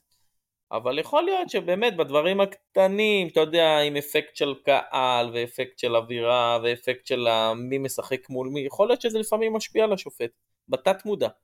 אבל אין פה איזה... מה אתה אבל נגיד חושב ספציפית על הדוגמאות שאמרתי, נגיד על גמר 2007, זה היה שם נקי? על מה אתה מדבר? על המקרה של סמי בכר? כן, ואגב, כולם זוכרים רק את השריקה הזאת, אבל היו שם עוד לא, מקרים. אני אגיד לך את האמת, סמי היה בין השופטים הגדולים באירופה, ובטח ובארץ. אה, אני פחות אוהב לדבר על קולגות ועל החלטות, ו... אני מעדיף לא, לא לענות, אני מכבד מאוד את כל ה... אתה יודע, את כל מי שהיה איתי בעולם הזה של עולם השיפוט. אה, בוא נגיד ככה, כל אחד ילך עם האמת שלו, עם מה שהוא מאמין. יש כאלה, חלק שיגידו שזה שריקה נכונה, חלק יגידו שזה שריקה לא נכונה. מה היה בכל המשחק עצמו, אני לא זוכר להגיד לך, אתה יודע, יותר מדי. אה, אבל אני לא חושב שהיה שם משהו לא כשר בכוונה תחילה, לדעתי. מהיכרותי את סמי הוא שופט הגון וישר ואני לא חושב שהיה שם משהו מכוון אבל אתה יודע כל אחד הולך פה עם, אה, עם הדעות שלו ובסדר לגיטימי אתה חושב ככה הוא חושב אחרת. אתה אומר לכל אחד פה יש את הרב שלו שמחליט. כן בדיוק בדיוק אבל זה גם לא משנה מה אני אגיד כי מי שחושב x ימשיך לחשוב x ומי שחושב y ימשיך לחשוב y. אה, אני מכבד. כן, בשורה התחתונה, ככה רגע לפני שבאמת נעבור קצת לחלק יותר עליך, אה, מבחינתך, מצב השיפוט היום בישראל, באירופה, איפה אתה ממקם אותו בסולם של 0 עד 10 באיכות? קטונתי מלתת ציונים, אבל אני חושב שהרמת שיפוט בארץ היא די טובה. אוקיי, אני חושב שזה רגע מושלם לעבור ככה גם על החלק אה, יותר עליך. אה, אז בעצם אתה כבר שופט כדורסל מאיזה גיל? מגיל 15? נכון, התחלתי לשפוט בשנת 93, אה, הייתי לפי דעתי אפילו בכיתה, סיום כיתה ט', משהו כזה, כן, 15, ומה שבטוח בי' כבר שפטתי. אז תסביר לי רגע, מה, מה גורם לבן אדם, לנער צעיר? 15 וחצי אפשר להגיד. השאלה מה, מה גורם לנער צעיר לקום יום אחד בבוקר ולומר בא לי שבעתיד 3,000, 4,000 אולם מלא פשוט אה, יקלל אותי. מה, מה, גור... מה מושך אנשים בדבר הזה? יש אנשים שרוצים להיזכר באימא שלהם כל ערב, זה הדרך הכי טובה. אגב, אני כאילו, אתה יודע, אנחנו עוד נגיע לקריירה שלך, אבל אם כבר אנחנו נוגעים בנושא הזה של קללות, של קהל, זה, זה דברים שבך פגעו, או יותר דווקא העלו מוטיבציה? איך אתה לקחת את זה? לא, האמת שאין לי בעיה עם הקללות, דווקא, אני רק תמיד קיוויתי שאם מקללים, שיקללו עם איזה שיר. שיהיו יצירתיים אתה אומר, שלא כן, סתם... אני יכול להגיד לך למשל, התלמידים שלי שרוצים להקנית אותי אז הם צוחקים, אז הם שרים לי רומנו מת, רומנו מת, ככה, אתה יודע, עם חיוכים. אבל זה תמיד בקטע הומוריסטי, אבל אה, שוב, זה חלק מהמשחק, לוקחים את זה בפרופוציות הנכונות. כל עוד זה נשאר בשירים ואתה יודע, קללות כאלה זה בסדר. אבל אה, רוצה... זה לא משהו שמשפיע לרעה. הבנתי, אתה יודע, יש אמרה שאומרים על אה, מאמנים צעירים, שמישהו מאמן צעיר הוא פשוט שחקן כדורסל שכנראה לא היה מספיק מוכשר כשחקן. אומרים את זה גם על שופטים. זהו, זו השאלה שלי. האם זה רלוונטי גם uh, על שופטים? יכול להיות, אתה יודע, בסופו של דבר באים מהעולם הזה. אה, אה, בהחלט יכול להיות, לא, מה, מה זה שחקן כושל? אתה יודע, שופט בטח שמתחיל בגיל כל כך צעיר לשפוט, אי אפשר להגיד עליו שהוא שחקן כושל. הוא, אבל הוא החליט באיזשהו שלב, אולי הוא ראה שהוא לא יהיה גבוה מספיק, אולי הוא הבין שהוא לא טוב מספיק, אולי הוא מבין שהוא לא חזק מספיק, והוא אוהב את הענף, אז הוא מחליט במקום לשחק, ללכת לא לקריירה של אימון, או לקריירה של שיפוט. צריך לכבד את זה, הכל בסדר. בסופו של דבר אתה... אני... מה? אתה מתחיל רק, אני שואל, אתה מתחיל את הקריירה בגיל 15? 15 וחצי. קצת, 15 וחצי, איך, איך זה מתקדם משם? תן לנו ככה את לאן, ה... לאן אתה פונה כילד בן 15? איך מתחילים בכלל מתפונה, להיכנס מתפרסם. לעולם הזה? קור, יש קורס שופטים, אתה נרשם אליו, אתה הולך לוועדות קבלה. לאחר הוועדות קבלה אתה מקבל תשובה אם עברת או לא עברת. מראיינים אותך, שואלים אותך את כל השאלות, למה אתה רוצה להיות שופט, מה הרקע, לראות שאתה באמת בענף, כמו שאומרים. אה, ולאחר מכן אתה עושה קורס שופטים, אתה צריך לעבור אותו בהצלחה. בקורס הזה אתה לומד את uh, רזי השיפוט נקרא לזה ככה, כל המכניקה, התנועה במגרש, הסימונים, uh, לשר... איך לשרוק, uh, לא, לא, אי אפשר בשבוע ללמוד יותר מדי, כן? ואם אתה עובר את זה ואז אתה, יש לך גם לעשות מבחני חוקה וכושר, אתה צריך גם לעבור אותם. ולאחר מכן אתה מקבל בהצלחה הודעה שעברת, אתה נכנס למרחב שיפוט, כל אחד איפה שהוא גר, אזור מרכז, דרום, צפון, שרון, שפלה, אתה יודע, ומצוותים אותך להיות עם, ב, למשחקים, בדרך כלל של נערים ארצית, נוער ארצית, אה, נערות, לא, לא דווקא משחקי קצ"ל, כי בקצ"ל יש משחקים שהם מאוד לחוצים כי באים המון הורים. דווקא המשחקים היותר אה, נערים ארצית... אומרים שזה הקהל הכי קשה. בדיוק. אז שמים אותך עם עוד שופט שחונך אותך, או עוד שופטים שחונכים אותך, ואתה הולך איתם, אתה עושה את הצעדים הראשונים ככה לאט לאט. אתה צובר ניסיון, אתה, אתה מקבל את הפידבקים מהשופטים שחונכים אותך, ולאט לאט אתה מתקדם. ומתי בעצם מחליטים להציב אותך בליגת העל מבחינת ה... אז מתקדמים ברמות, סיימת שנה ראשונה, ראו שעשית עבודה טובה. בשנה השנייה אתה יכול לקבל כבר משחקים בדרגת קושי קצת יותר אה, גבוהה, ולראות איך אתה עומד בזה. וגם אתה, יש, יש גם הדרכות שאתה, והשתלמויות שאתה עובר במהלך השנה. מה שנקרא להתמקצע. ואם אתה טוב, אתה יכול להתקדם. יש שופטים שכבר אחרי 6-7 שנים הגיעו לליגת העל. היום, במעמדך כשופט, אה, שופט אה, לשעבר מאוד מאוד בכיר, מה לדעתך אה, סט היכולות שכל שופט כדורסל צריך, בין אם זה שופט צעיר או שופט באופן כללי, הן ברמה האישיותית, הן ברמה המקצועית, ועוד שאלה שאני רוצה לשאול, האם אתה חושב ששופט כדורסל, מלבד הידע הטכני של החוקה, האם הוא צריך מה שנקרא להבין כדורסל? א', כן. חייב להבין כדורסל, כי כמו שאמרתי לך, להיות שופט של ספר חוקה, לא יביא אותך רחוק. זה שאתה יודע שחור לבן, מה זה צעדים ומה זה עבירה, כל ה... כעיקרון כדורסל הוא משחק ללא מגעים, כי אפשר להגיד שכל מגע אתה יכול לשרוק עבירה ולהגיד פאול עם הגוף. אתה צריך לדעת את, ה, את רוח המשחק, להבין את ה, את ה... שתהיה לך חוכמת משחק, הבנת משחק, אה, זה נקרא גם Game Management, איך מנהלים את המשחק. מעבר לזה אתה צריך שיהיה לך, קודם כל להיות גם ברמה מקצועית טובה, לדעת להגיב לאירועים, לזהות את האירועים, לפרש נכון את האירועים, אה, כמובן לדעת החוקה. זה מכלול של הכל, אתה צריך שיהיה לך הכל מהכל, אתה צריך גם שיהיה לך קצת מזל, שזה אף פעם לא מזיק. וזהו, ויחד עם הופעה טובה על המגרש, אתה יודע, זה גם יכול להיות שזה גם תלוי בשופט, כי אם אתה הולך לחדר כושר ומתאמן ונהיה חטוב ונראה טוב וזה, זה גם משפיע על הנראות שלך, על האסרטיביות שלך. אה, אתה צריך שיהיה לך את הכל מהכל, כל, אה, מכל דבר קצת. ואז בסופו של דבר הכל מסתכם לדבר אחד גדול ומושלם, שזה כאילו שופט ברמה טובה מאוד. כן, אז אתה בעצם אה, ככה מ-2005 שופט בליגה, ואז יש פה תקן אותי אם אני טועה, ממש 8-9 שנים שאתה שופט בעצם אה, בעיקר בישראל. אמ, מבחינתך אישית, אתה בשלב הזה מאמין שאתה הולך אה, להגיע גם לשפוט ברמות הכי גבוהות באירופה, או שבשלב הזה לא חושבים על זה? כן, אני מתחילת הדרך, המטרה שלי הייתה להיות שופט בינלאומי. אז אפילו לא היה עוד יורוליג כשהתחלתי לשפוט, אבל אמרתי אני אהיה שופט בינלאומי, זה היה החלום. וכן, עשיתי הכל כדי להגיע לשם, והגעתי לזה. כשאתה אומר עשיתי הכל, מה, מה, תן לנו דוגמה שתיים למשהו שאולי שופטים אחרים לא בהכרח עושים, ש, שכן נגיד שופטים צעירים. צפייה במשחקים, ללכת למשחקים, ללמוד ממשחקים, גם ממשחקים שאתה שופט וגם ממשחקים שאתה צופה בהם. לנסות לקחת מכל שופט אה, דבר אחד או שניים שהם טובים וליישם אותם ולאמץ אותם. אבל יחד עם זאת לא, לא לאבד מהאותנטיות שלך ומה... כאילו, אל תהיה קופי פסט, אל תהיה... אני לא אוהב שופטים שמחקים שופטים אחרים ועושים בדיוק את אותם תנועות ויש להם את אותם אה, אה, דפוסי התנהגות ואותם סימונים בדיוק. תהיה, תהיה, תביא איזה משהו, אתה יודע, משלך, אבל אתה יכול לקחת מכל שופט את הדברים הטובים שלו.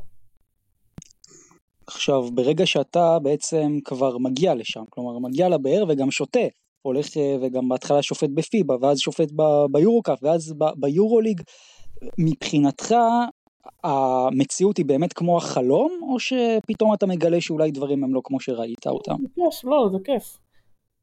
כשהגעתי ליורוליג, אז אה, באותה עונה גם שפטתי יורו-קאפ וגם יורוליג, ואתה נהנה מאוד מהמעמד ומהרגע. אה, יש, יש, יש קטע של בדידות, כי אתה טס כמעט כל שבוע ואתה לבד, אתה לא נוסע עם צוות, כמו בכדורגל של שישה שופטים או חמישה שופטים. אתה נוסע לבד, אתה מגיע למדינות שאתה נפגש שם עם השופטים האחרים בערב שלפני המשחק ויש יש גם הרבה בדידות בכל הנסיעות האלה, זה לא, אתה יודע, זה לא תמיד, איך אומרים, הדשא הכי ירוק אצל השכן, זה לא הכל אה, אה, מושלם. צריך להיות גם, אתה יודע, אחד שמסוגל אה, לנסוע, לטוס כל שבוע, ואתה טס לבד, ואתה, יש, יש קצת בדידות, אני לא אשקר. כי יש משחקים שאתה נוסע ויש לך קונקשנים ואתה בשדות תעופה גם 6-7 שעות וטיסה ראשונה 4-5 שעות והמתנה עוד 6-7 שעות ועוד 4 שעות, אה, סתם דוגמה, להגיע לאיזה גרנד קנריה כזה שזה איזה חור, זה... או ללימוש בצרפת עם רכבות ועם, אה, והיו מקומות עוד לפני זה שנסעתי. לבוסניה ביורו-קאפ עם רכבים שכורים וזה לא פשוט כל כך, כן? אבל בסדר, לא מתלוננים כי אנחנו אוהבים את זה. שאלה מבחינת האתגר ב- ביורוליג, הרגשת גם ממש שהרמה הרבה יותר גבוהה, או שאתה אומר כאילו הרגשת ממש בסביבה הטבעית שלך? לא, הרמה יותר גבוהה, רמת האינטנסיביות יותר גבוהה, רמת המהירות יותר גבוהה, הכל יותר חזק, יותר מהיר, יותר גדול, אין, אין, אין, מה להשוות. טוב, תראה, אנחנו מגיעים לשלב הזה באמת שאתה כבר שופט מאוד מאוד אה, בכיר אה, בישראל בקיץ 2018, ולאור הרעיון גם מה שאנחנו עכשיו מבינים, אתה מאוד רצית את זה. אז מה גורם לך לוותר אולי על להמשיך את החלום הכי גדול שלך ולפרוש משיפוט ביורוליג ולעשות הסבה של אולי אפילו 180 מעלות או 150 מעלות להיות אה, מורה מחנך תיכון. כן, תראה. תמיד חשוב לעשות דברים שנופסים לך סיפוק ואתה נהנה לעשות אותם. אני לא אומר שלא נהניתי לשפוט, נהניתי מאוד לשפוט ואני מאוד אוהב את זה. אה, אבל אתה יודע, הרגשתי משהו בנפש שאני צריך כאילו לעשות אה, משהו מעבר. אה, לא יודע, אתה יכול לקרוא לזה שליחות, אתה יכול לקרוא לזה נתינה, לא יודע. אני, מהשנה הראשונה שהכנסתי למערכת החינוך, כמורה חדש, כבר חינכתי בכיתה י', אה, אמרתי, זו הזדמנות שלי קצת להשפיע על בני הנוער, להקנות להם ערכים, אה, דברים טובים שהיינו רוצים שיהיו בכל אזרח במדינה. והגעתי למסקנה שאני אוכל לתרום בתחום הזה. אה, ועשיתי את הצעד, היה צעד לא קל, כי ויתרתי על הרבה יוקרה, אה, ויתרתי על הרבה, על המעמד שלי בוא נקרא לזה ככה, אה, ולא הרבה עושים את זה, אוקיי? אפשר, אתה יודע, מעט מאוד שופטים שהיו בנעליים שלי היו עושים את הצעד שאני עשיתי, אבל אני החלטתי לעשות את זה, ואגב זה גם פגע בי, כי ברגע שכבר אני לא הייתי שופט יורו ליג, אז המעמד שלי גם בארץ נפגע, כן, ואני יכול להגיד את זה פה. כי אז אמרו, כן, רומנו כבר לא שופט יורו ליג, אז uh, הוא כבר לא שופט בכל אירוע כמו שהייתי שופט לפני כן uh, במעמדים הגדולים, למרות שמבחינה מקצועית שום דבר לא השתנה בי. אבל uh, לאנשים אחרים כנראה זה כן, uh, כן השפיע עליהם, אבל בסדר. אני לא מתחרט לרגע, ואם הייתי יכול לחזור לאחור הייתי עושה בדיוק את אותו צעד. יש לי תחושת סיפוק מאוד גדולה מזה שאני מחנך uh, בתיכון. Uh, אני רואה גם את העבודה שלי הכי באה לידי ביטוי. אני רואה את, ה, uh, את האהבה של התלמידים אליי, את היחס, את, ה, את, ה, את המכתבים שאני מקבל, את ההודעות מהתלמידים, מהמשפחות שלהם, מההורים. ואני יודע כמה אני משפיע לטובה עליהם, וכמה זה חשוב שיהיה לילדים האלה דמות שהשפיעה עליהם בתקופה הזאת.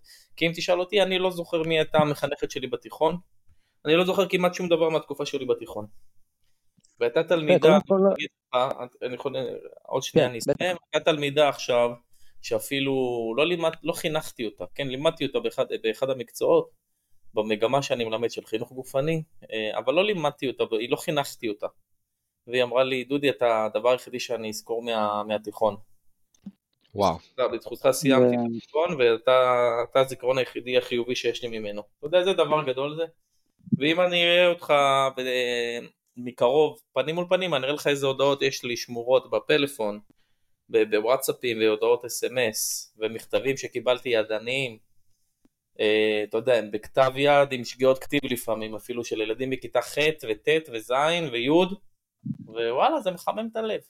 אתה אומר, ו... אתה אומר שחקני כדורסל הם פחות חמים מתלמידים. לא, תאמין לי גם, השחקני כדורסל והמאמנים, אני יכול להגיד לך שמאוד... אה, אני, אין, אני לא חושב שיש מישהו שאני לא... שהייתי איתו באיזה טאקל או משהו כזה, אני מאוד כיבדתי אותם, את השחקנים ואת המאמנים, והם אותי, ואני חושב שאם אתה תשאל שחקן מה דעתך או מאמן על דודי רומנו, לפי דעתי ברובם המוחלט הם יגידו לך דברים טובים עליי, אה, וזה כיף, וזה כיף גדול. ואני... איזה כיף. עוד פעם, אני לא מתחרט לרגע, ויש בזה תחושת סיפוק ענקית אה, להיות אה, במערכת החינוך ולחנך כיתה, ולנסות להשפיע לטובה על הבני נוער של היום. אבל יחד עם זאת, אי אפשר רק להתפרנס היום מלהיות אה, מורה, כמו שאתם יודעים. לכן כן. גם בתקופה האחרונה נכנסתי קצת לענייני הנדל"ן פה ביבנה, ואני מנסה לשלב בין שני הדברים. ובעצם ככה, באמת ציינת את זה גם שבשנים שאתה מורה, אז לאט לאט גם uh, אתה פחות ופחות uh, שופט פה בארץ, אבל השאלה מבחינתך, האם אם זה תלוי בך, האם היית רוצה להמשיך, או שכאילו גם הגעת למיצוי בכלל בכל הענף? כן, אני הייתי רוצה להמשיך, אני לא אשקר, אבל הסיטואציה ש... הסיטואציה הקיימת באיגוד השופטים לא אפשרה לי להמשיך. סתם דוגמא, אתה ראית אותי באחד ממשחקי הגמר? אה, לא, אני, והיית מאוד חסר, אני חייב לציין. אז לא רק לך, אה, אז לא רק לך, ואנחנו, אני יכול להגיד לך שאנחנו, לפי דעתי המדינה היחידה, המדינה היחידה לדעתי באירופה בוודאות, שבמשחקי הגמר שפטו יום אחרי יום אחרי יום, יומיים אחרי משחק, אותם שופטים את, אותו, את אותה סדרה. ואני ראיתי בזה בין אה, חוסר אמון ב, ביכולת שלי, ואני יכול להגיד לך שלא רק זה גרם לי ל... ל... להודיע על אה, הפסקת השיפוט, אלא גם עוד דברים שקרו במהלך השנה, אבל זה בעיקר היה גם אחד הדברים אה, שבגללו החלטתי שאוקיי, אם אני לא טוב מקצועית לשפוט באירוע שיא של, של הכדורסל הישראלי, אחד מהם לפחות, שזה גמר, גמר אליפות המדינה, שיש שלושה משחקים, וגם לא מספיק טוב לשפוט באחד מהמשחקים של חצאי הגמר או גמר גביע המדינה, שגם השנה, גם בזה לא הייתי, לא, לא נטלתי חלק השנה. ובעוד כמה דברים שהתרחשו במהלך השנה, אז הגעתי למסקנה שבסיטואציה הקיימת המקום שלי הוא לא באיגוד השופטים כנראה ואני רוצה להיות איפה שכן אוהבים אותי ומכבדים אותי. שאלה אבל כאילו חוץ מזה שהרגשת שהם מסמנים לך קצת את הדרך אולי החוצה mm-hmm. מבחינת אני שואל כי אתה יודע מה אני רוצה להציע תזה וזה אגב הסיבה שאני אישית מאוד מעריך אותך גם כשופט אבל הרבה מעבר כי, כי אתה מאוד אידיאליסט. אתה באמת הולך עם הדברים שאתה מאמין בהם. תשמע שוב לעבור מיורוליג להיות מחנך כיתה בגלל משהו שאתה מאמין בו זה, זה דבר שראוי להערכה. לדעתי כמעט כל בן אדם יסכים על זה. השאלה אם איגוד השופטים ראה בך אולי איזה משהו קצת ש, שמסוכן אולי על דברים שלא מתנהלים שם כזה בסדר כ, כמישהו שהוא יהיה זה שמתוך המערכת יבוא ו, ומה שנקרא יצעק את, אה, יצעק את האמת כביכול. תראה עוד פעם, אני כל השנים שלי הייתי באיגוד השופטים, הדרכתי וחנכתי שופטים ו- ולימדתי שופטים בקורסי שופטים. כמו שאתה אומר, אני הרגשתי שגם בשנה האחרונה וגם קצת לפני זה, בגלל כל מיני דברים, לא משנה, אני לא, לא אפתח הכל עכשיו פה, הראו לי, כמו שאתה אומר, את הדרך החוצה, כאילו, בכל מיני דברים שאני לא אפרט עכשיו. והחלטתי, אמרתי לעצמי שעוד פעם, אני צריך להיות במקום שאני שלם, ואני יודע שאני יכול להגיע למקסימום ולהביא לידי ביטוי את היכולות שלי. ברגע שאני, אני לא יודע אם זה, אם, אם תחשוב מתי פעם אחרונה ראית את דודי רומנו שופט באיזה משחק אה, חשוב בליגת העל בכדורסל, תנסה להיזכר, כאילו, מתי ראית אותי אני... באיזה משחק, תנסה, לי, בוא אני מהעונה האחרונה, את האמת, לא זוכר. אני מהעונה האחרונה לא זוכר. גם אני, לא זוכר, גם אני לא זוכר. אתה מבין? ושאתה גם מנסה להדחיק את זה, ואתה אומר לעצמך, אוקיי, בוא, תמשיך, תוריד את הראש, הכל בסדר, יעבור. אתה מנסה להדחיק, ואז אתה יוצא החוצה מהבית, ואז אתה פוגש את דרור, או את אופק, ואומרים לך, די, דודי, מה, איפה נעלמת? למה אתה לא שופט? למה אתה לא זה? מה, למה לא שמו אותך? זה כל הזמן, זה גלגל חוזר, ואתה נכנס, אתה מבין, זה גם משפיע לך בסופו של דבר, כי אתה, אם אתה עכשיו אמרת לעצמך, אוקיי, אני מדחיק את זה, ואז אתה יוצא החוצה וכולם אומרים איפה נעלמת, מה אתה פצוע, מה אתה לא שופט יותר, מה... אתה מבין? זה מעין גלגל חוזר וזה היה עושה לי גם רע בלב ובנשמה ולכן אמרתי זה אוקיי אני לא רוצה כבר, אני לא רוצה להגיע למצב, אני רוצה לקום כל בוקר עם חיוך, אני לא רוצה שדברים כאלה ישפיעו לי על היום ועל התחושות אז בסדר, אם, אם לא רוצים אותי, זאת אומרת במקום שלא רוצים אותך אל תהיה שם אז זו החלטה שקיבלתי, שוב הייתה החלטה לא קלה להפסיק לשפוט ביורוליג והייתה גם החלטה לא קלה להשפיט, להפסיק לשפוט ב, בליגת. כאילו לפרוש מהשיפוט אבל אני שלם עם זה כי עוד פעם אני חושב שלא הייתה לי ברירה.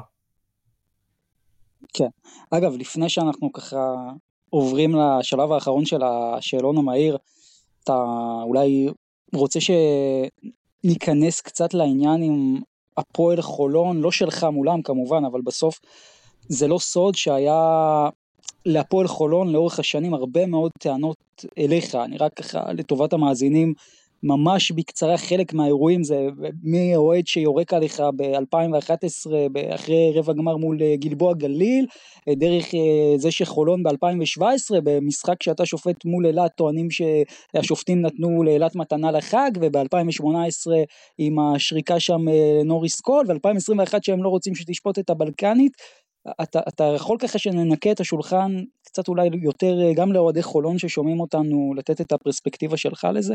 אני יכול להגיד לך שא' לא זכרתי בכלל את האירוע, את האירוע עם היריקה ב-2011 ולא זכרתי מה שאמרת גם ממה שקרה באילת. אני יכול להגיד לך שאחד המגרשים שכן אהבתי לשפוט זה אה, המגרש אה, בחולון, אני חושב שיש להם אוהדים נפלאים.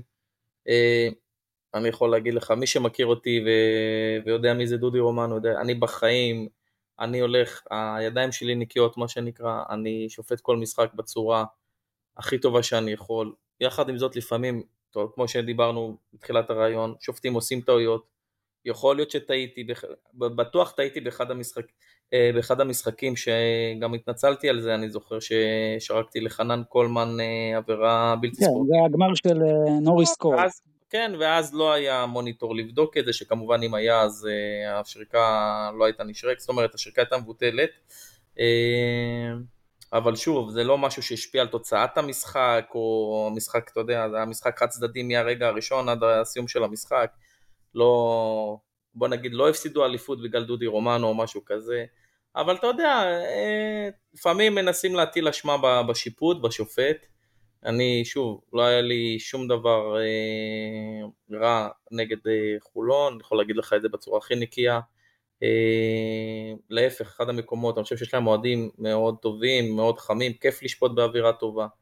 בכלל, שופט בא והוא אוהב לשפוט במשחקים שיש שם קהל שמרגישים אותו והוא שר ו- ויש תחושה טובה.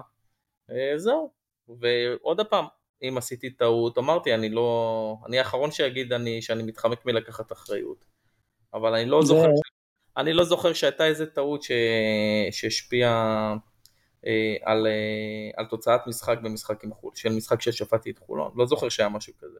וגם הם לקחו תארים איתי, את האליפות האחרונה שלהם, אה, אז אני, אני שפטתי במשחק, אז אני כן, זאת אומרת, זה לא שאתה יודע, זה לא שבא דודי רומנו אז הם רק מפסידים, יש, היו להם גם הרבה מאוד ניצחונות וניצחונות יפים, ולפעמים אתה יודע, לפעמים אתה מרוויח מטעות שופט, ולפעמים אתה גם מפסיד, ודיברנו על זה גם, וזה לאו דווקא אומר שהשופט עושה משהו בכוונה. יפה, אני חושב שזה השלב לעבור לשאלון המהיר שלנו. דודי, הפורמט הוא מאוד פשוט, אנחנו שואלים פה שאלות מאוד מאוד קצרות, מתחילים ככה דווקא מנושאים כלילים, אחרי זה נתמקד אולי לקצת נושא עומק, גם אולי קצת על החיים עצמם, התשובות גם יחסית אה, מהירות. אז נתחיל ככה ממש מהקל. אה, מי מבחינתך יותר גדול, מסי או רונלדו? מסי. מסי. ירושלים או תל אביב? איזה קבוצה יותר טובה? לא, לא איזה קבוצה יותר טובה, איזה עיר אתה יותר אוהב? אה, איזה עיר אני יותר אוהב? אה, אני בן אדם יותר אה, רוחני, אז ירושלים. אני מבסוט מהתשובה. אה, חופשה באוהל בטבע או בבית מלון? מה אתה תעדיף? בית מלון. מה התוכנית שאתה הכי אוהב בטלוויזיה? אה, כרגע אני אוהב לראות את הפטריוטים בערוץ 14. כן, פאנל אה, מעניין. אה, טוב, אתה תושב אה, יבנה, נכון? נכון, אני תושב, נולדתי בתל אביב וגדלתי בקריית שלום, ואני בעשר שנים האחרונות גר ביבנה, בשכונה הירוקה פה, ונהנה מכל רגע. אתה, אתה יודע מה, אתה, מה אני רוצה לשאול אותך עכשיו? בבקשה. איפה אתה, איפה אתה עושה קניות, באושר לוי או בשפע יששכר? האמת שחיפשתי איפה זה, איפה צילמו את הזה, אבל אה, האמת שיש לי ממש מתחת לבית אה, מרכז קניות, כמה מרכזי קניות. ווואלה, מי שלא היה ביבנה וראה את השכונה החדשה פה, תקשיב, 20 דקות מתל אביב, במרכז, פארקים ירוקים, אה, מרווחים גדולים, כיף, אין בעיות חנייה, שקט, וואלה, ממליץ לכולם לבוא ו... ולבקר בעיר הזאת, ואם אפשר גם לגור פה, זה עיר בפיתוח אה, מאוד גדול. טוב, אנחנו עוברים קצת ככה לנושאים של הכדורסל בשאלון המהיר. קודם כל, היה לך איזה אולם בארץ באירופה שהכי אהבת לשפוט בו? אה, אהבתי לשפוט בסרביה, באולם הגדול שם של 20 אלף צופים, זה חוויה, אבל גם ב... יש עוד, אתה יודע, יש הרבה אולמות אה, עם קהל, גם בעולם של פנתנייקוס, אולימפיאקוס. ברצלונה, ריאל מדריד, זה חוויות, אתה יודע, אתה גם כילד אתה רואה את המשחקים, ב... אתה זוכר שראית את זה כשהיית ילד במשחקי גביע אירופה, ופתאום אתה דורך שם במגרש הזה וזה כיף. אבל כן. משחק עם 20 אלף צופים ב... בבלגרד זה ממש חוויה מרנינה. טוב, עכשיו קצת אה, שאלות כפולות. אה, תן לי דבר אחד שהכי אהבת ודבר אחד שהכי שנאת אה, בתפקיד של השופט. אה, הכי אהבתי, וואי שאלה קשה, מה אהבתי הכי בשיפוט?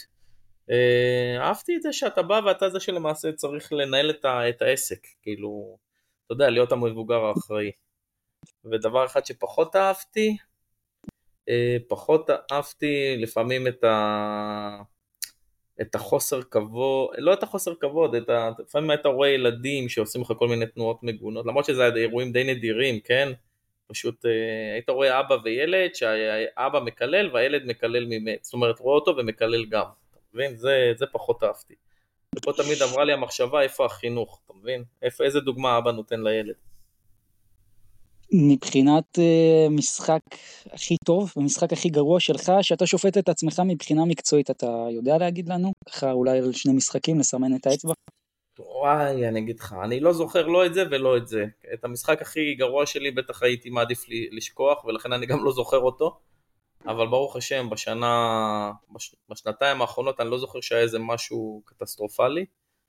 ומשחק... אתה יודע מה, אני אשאל את זה אחרת. היו, היה משחק או היו משחקים שלפני או אחרי לא הצלחת להירדם בלילה? מהתרגשות, מכעס, מכל דבר.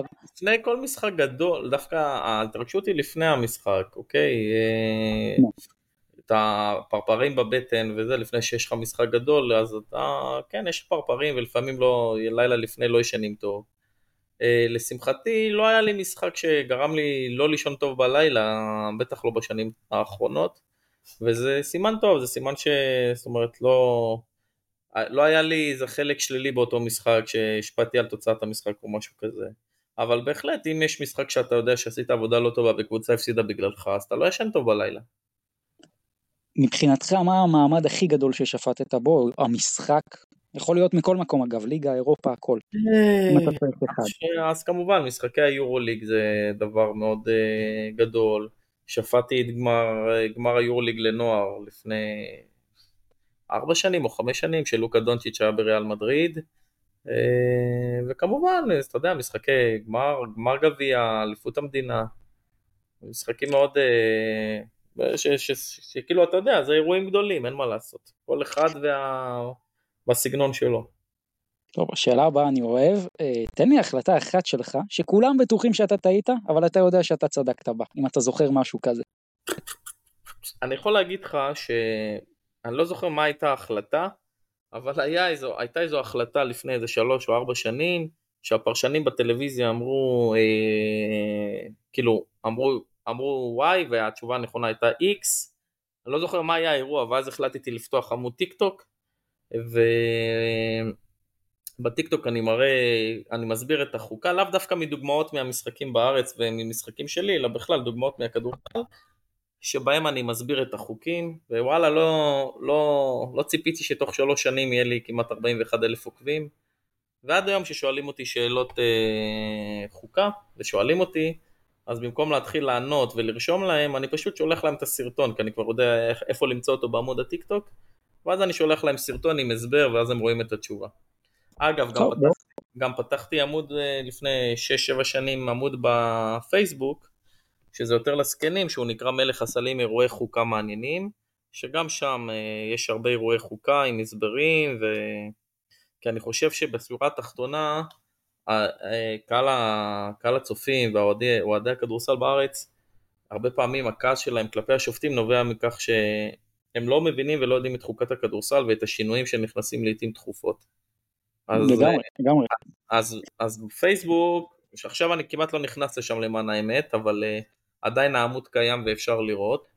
Uh, אבל בטיקטוק אני מנסה לתפעל אותו עדיין ברמה היומיומית, ולא לחינם, אמרתי לך, יש שם כמות ענקית של אה, קהל, הרבה, יותר מ-40 אלף זה דבר שלא הולך ברגל, שהתוכן הוא בעיקר, בעיקר חוקה וכדורסל, וגם קצת אני מכניס מהבית ספר שלי, ככה כל מיני פעמים שאני עושה קטעים עם התלמידים, אבל uh, זו הזדמנות טובה גם להגיד למאזינים, מי שרוצה באמת אה, לדעת את החוקים, אז הוא יכול לעקוב, בוא נגיד היום הטיק טוק יותר חזק, אז שם יש את, את רוב החוקים, ומה זה צעד אפס, ומה זה השמטה, ומה זה איירבול, ומה זה, ומתי נותנים טכנית, ומתי זה בלתי ספורטיבית, שם אפשר לראות הכל עם סרטונים, וזה כל הזמן מתעדכן. קודם כל, איך אמרתי בהתחלה, אם בטעות אתם לא עוקבים, אז חבר'ה, תעקבו אחרי דודי בטיק טוק, הגיע הזמן. דרך אגב, אני יכול להגיד לך... דודי רומנו באנגלית, זה, ככה זה נקרא.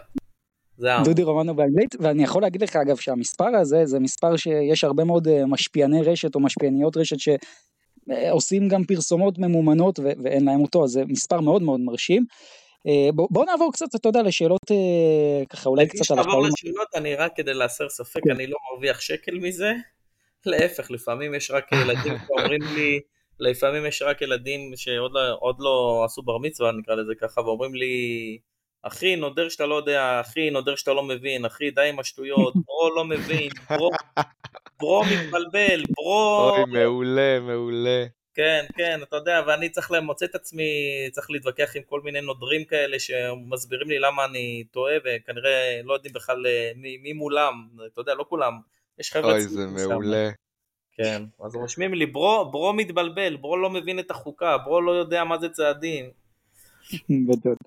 Uh, טוב, אנחנו כן נתקדם קצת לשאלה אולי יותר מהותית, uh, מה יותר קשה להיות, מורה, שופט או סוכן נדל"ן? או, תראה, נכנסתי לעולם של הנדל"ן לא מזמן, אני יכול להגיד לך שאני מאוד אוהב את זה, כי, אתה יודע, בהתחלה ל...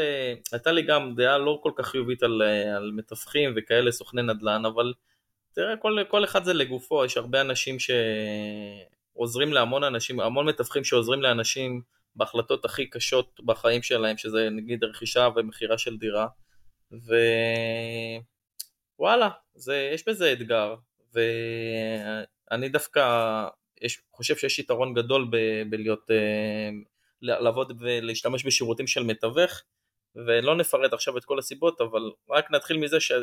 אתה יודע, מי שנכנס אליך הביתה, אתה לא תרצה שכל בן אדם ייכנס אליך הביתה ולהתחיל אה, לדבר, שהרבה מאוד, אה, גיליתי את זה בעולם הזה, שיש הרבה מאוד קשקשנים שיכולים לבוא ולבזבז לך את הזמן לחינם, ופה התפקיד של המתווך באמת אה, לעשות את הסינון ולהביא רק את האנשים המתאימים ולעזור בכל התהליך. אני יכול להגיד לך שאיפה יותר קשה, לפעמים היו כיתות שאמרתי וואי, יותר קשה לי בכיתה הזאת מאשר לשפוט דרבי תל אביבי, אבל בסופו של, דבר, בסופו של דבר אתה מגיע לעניין של הגישה, אם אתה יודע לדבר לתלמידים בגובה העיניים, אתה מרוויח אותם. מדהים. לא, לא תמיד... זה... אני אומר זה מתחבר לי לשאלה הבאה, שאני רוצה לשאול מה ההישג הכי גדול שלך כמורה, מבחינתך. כמורה? כן, אה, כמתנה. תראה, אני יכול להגיד לך, העליתי את זה גם לעמוד טיק טוק שלי, לפני שנתיים חגגתי אה, יום הולדת ביום שבת, זה היה 21 למאי אה, ובאו, אתה יודע, אז ביום שבת אין בית ספר. ביום שבת, בשעה תשע בערב, אני מקבל דפיקה בדלת. 30 ילדים באים אליי הביתה, מהכיתה שאני מלמד, עם בלונים, יו. עם חצוצרות, עם זה, יש את הקטע הזה בטיקטוק שלי, אם תגלול שם תוכל למצוא אותו. מפתיעים אותי, אתה רואה, דופקים לי בדלת ומכסים את העינית שאני לא אוכל לראות מי, מי דופק בדלת. אני פותח את הדלת בהפתעה מוחלטת, הם נכנסים עם בלונים ומוזיקה וחוגגים לי יום הולדת בבית. אז אני חושב שאתה מבין, אם אתה מצליח לגעת בכל כך הרבה ילדים ולהיכנס אליהם ללב, וזה רק דוגמה קטנה, אני יכול להגיד לך שהנה מחר, דוגמה, זה אני אה, נוסע לתלמיד שסיים י"ב, והזמין אותי לארוחת ערב עם המשפחה שלו, תלמיד אה, כיתת חינוך שלי. אתה מבין? הוא אמר לי, דודי, אתה בא לאכול ארוחת ערב איתי ועם המשפחה. Uh, לפני יומיים הייתי בבית של תלמיד שלי שעשה על האש uh, יום לפני הגיוס שלו. אוקיי, הוא התגייס היום, הוא הזמין אותי לעל האש לפני uh, שאני אבוא למסיבת הגיוס שלו, אמר לי שחשוב לו מאוד שאני אגיע. אתה מבין, שאתה רואה שילדים כל כך אוהבים אותך ושהצלחת להגיע להם ללב, זה ההישג הכי גדול, ללא ספק. זה מהמם. טוב, אנחנו רק עולים ברמה, מה דעתך על המצב היום במדינת ישראל? אני לא חושב שיש מישהו שאוהב את המצב, אוקיי? אה, מבלי להיכנס לפוליטיקה ימין ושמאל. אה, אני חושב שכולם צריכים קצת לרדת מהעץ וכולם צריכים להירגע ו... ו... כי בסופו של דבר מי שנפגעת פה זה המדינה ואנחנו לא רוצים לתת את הפרס הזה לא... לאויבים שלנו ואני חושב שכולם צריכים, כמו שאמרנו, כמו במשחק חם שיש ויש אמוציות ו... כולם צריכים להיות מבוגרים אחראים, אז גם פה, גם מימין וגם משמאל, אה, פחות דברים שמפלגים, יותר דברים שמאחדים, אה, לנסות להגיע לכמה שיותר הבנות, ו... ולא לשרוף את המדינה, אתה יודע, יש כאלה שמאמינים בדרך שלהם והולכים איתה עד הסוף, אבל לא תמיד זה טוב, צריך לדעת למצוא את הפשרות, וללכת לכיוון של המאחד ולא המפלג. כי אחרת, בשביל מה אנחנו... אתה, אתה אישית אבל חשבת לרוץ לפוליטיקה פעם? לא. לא, לא. לא. לא. לא. אה, אה, טוב, אם... לא רואה, אני לא רואה משהו חיובי בפוליטיקה ש... שיכול, אה, אתה יודע, שיכול לגרום לי בתוך תוכי להגיע לאיזה תחושת סיפור. אתה בעצם מאמין יותר בלשנות מהשטח, אם אני מבין נכון. כן. אני יכול להגיד לך, עכשיו סיימתי תואר שלישי, שזה, יש לי שני תארים ראשונים, ועכשיו סיימתי תואר שני, שזה כאילו בטוטל תואר אקדמאי שלישי שלי. אה, שהוא זה תואר בניהול, אבל וואלה אני לא רוצה להיות מנהל בית ספר או משהו כזה, בטח לא בשנים הקרובות, אני מעדיף להיות ב... בשטח, לחנך, ללמד, להיות עם התלמידים, לא לשבת מאחורי שולחן עם ה... אתה יודע, אה, עם כל המספרים והנתונים והתוכניות. אני, תן לי להיות בשטח, לראות את הילדים, להגיע לילדים, לשמוע אותם, לעזור, זה עבורי יותר חשוב. טוב, אנחנו כבר ממש מתקרבים לסיום. דודי, אם אתה מחר צריך ללכת לשנה לאי בודד, ואתה יכול לקחת איתך רק שלושה פריטים, מה הפריטים שאתה לוקח? וואי וואי וואי. משרוקית. מה אני אעשה עם משרוקית? אני ארוויח את הקופים? מה אני אעשה איתה? משרוקית בטוח לא, וואי, לאי בודד.